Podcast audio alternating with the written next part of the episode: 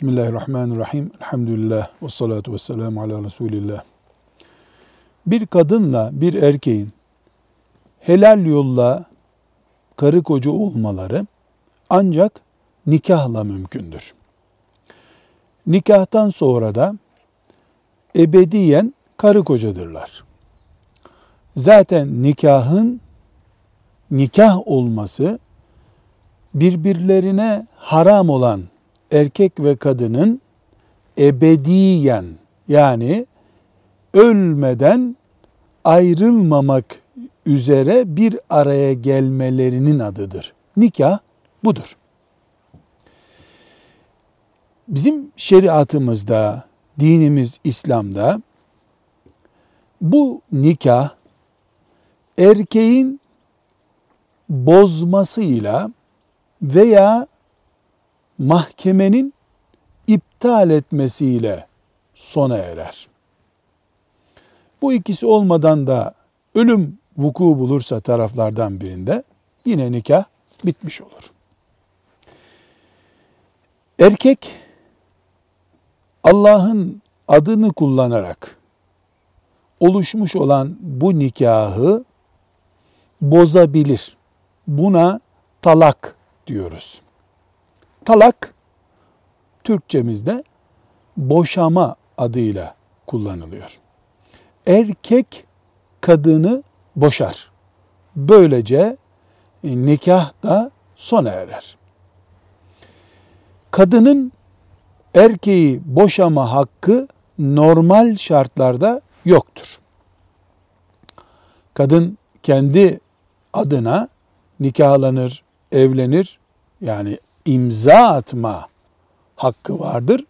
İmzasını iptal etme hakkı yoktur.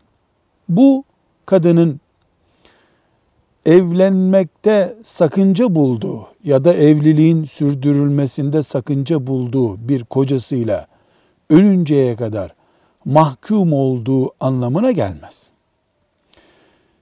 Kocasını mahkemeye müracaat ederek şikayet edip nikahtan düşürttürebilir.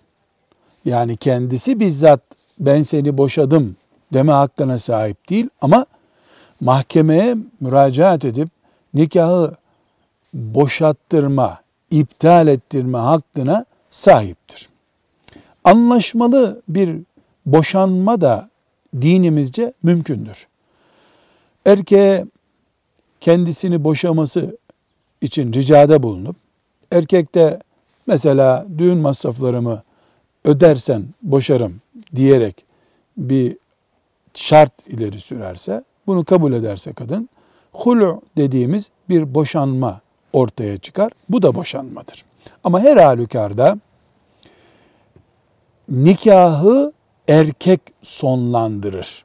Buna erkeğe talak hakkı vermek diyoruz. Erkek kadını boşar, talak hakkını kullanmış olur.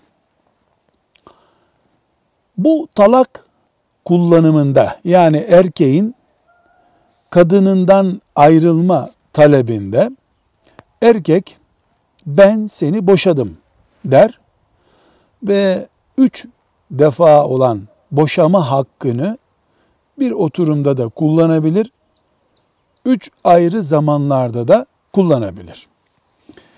Bu bölümde biz erkeğin boşama hakkını iletişim cihazlarıyla kullanması durumunda yani mesela telefondan, internet üzerinden veya benzeri görüntülü bir cihazdan hanımına hitap ederek ben seni boşadım dese bir yerde yüz yüze otururken seni boşadım demesi gibi geçerli bir boşama olur mu bu? Cevap böyle bir boşama ciddi bir boşamadır. Telefonla da güvenli bir internet iletişimiyle de boşama mümkündür. Yani erkeğin bu boşaması dinen boşama yerine geçer. Şu kadar ki erkek bir itirazda bulunup böyle bir şey bana ait değildir der ve bunu ispat ederse e zaten e, ortada bir sorun yok.